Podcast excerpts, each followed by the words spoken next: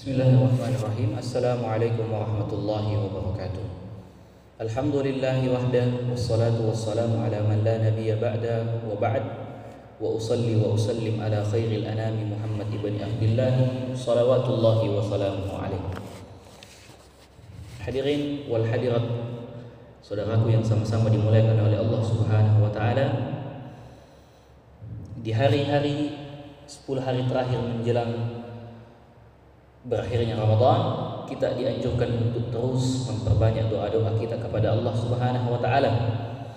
Dan tentu sebuah doa yang diarahkan oleh Nabi sallallahu alaihi wasallam adalah Allahumma innaka afuwun karim tuhibbul afwa fa'fu anni yang selalu diperintahkan agar tidak luput dari pantauan-pantauan hati-hati kita untuk selalu memanjatkannya kepada Allah Subhanahu wa taala.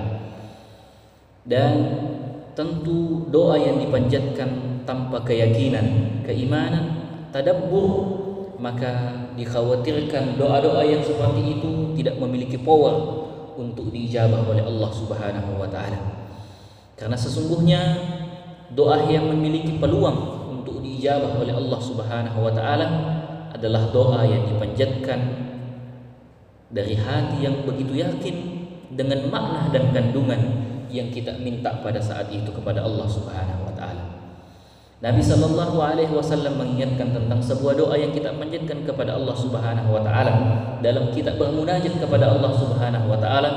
Nabi mengatakan dalam sebuah butiran hadisnya, "Ud'ullaha wa antum muqinuna bil ijabah." Mintalah kepada Allah, berdoalah kalian kepada Allah wa antum muqinuna bil ijabah. Dalam keadaan kamu yakin akan diijabah doa-doamu. Tetapi kata Nabi sallallahu alaihi wasallam menutup butiran hadisnya beliau mengatakan wa'lamu dan ketahuilah annallaha la yustajabu du'a'u min qalbin ghafilin lahin. Ketahuilah bahwasanya Allah tidak mengijabah, mengabulkan doa dari hati yang ghafil, dari hati yang lalai, lahim dan lengah.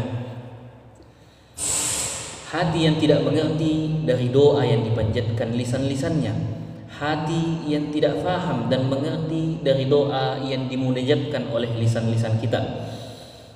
Maka doa yang seperti itu sangat berisiko untuk tidak dikabulkan oleh Allah Subhanahu wa taala. Olehnya itu penting dan seharusnya kita memahami makna dari doa yang diperintahkan oleh Nabi sallallahu alaihi wasallam.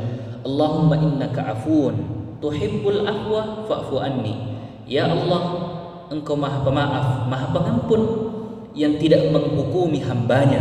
Dan engkau menyukai ampunan tuhibbul afwa fa'fu anni maka ampunilah dan jangan hukum aku.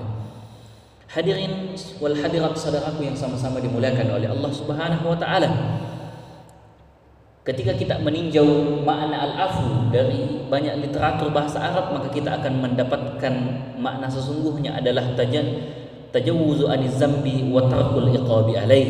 Al-afu adalah dimaafkan dari kesalahannya dan tidak dihukum dari perbuatannya. Hadirin saudaraku yang sama-sama dimuliakan oleh Allah Subhanahu wa taala sekali lagi penting untuk hati kita mengerti dan faham tentang doa yang kita panjatkan kepada Allah Subhanahu wa taala. Dan kemudian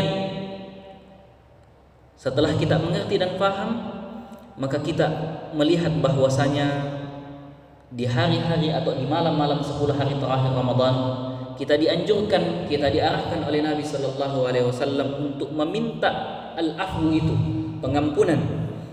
Walaupun dalam konteks doa itu kita diberikan keleluasan untuk meminta segala hal kesembuhan dari yang sakit jabatan harta dunia keturunan dan sebagainya tapi sekali lagi Nabi sallallahu alaihi wasallam mengerahkan kepada kita untuk meminta al-afwu dijelaskan lebih terperinci dalam sebuah hadisnya Nabi mengatakan sa'alullah al-afwa wal afiyah kata Nabi mintalah kepada Allah al-afwu pengampunan wal afiyah dan keselamatan.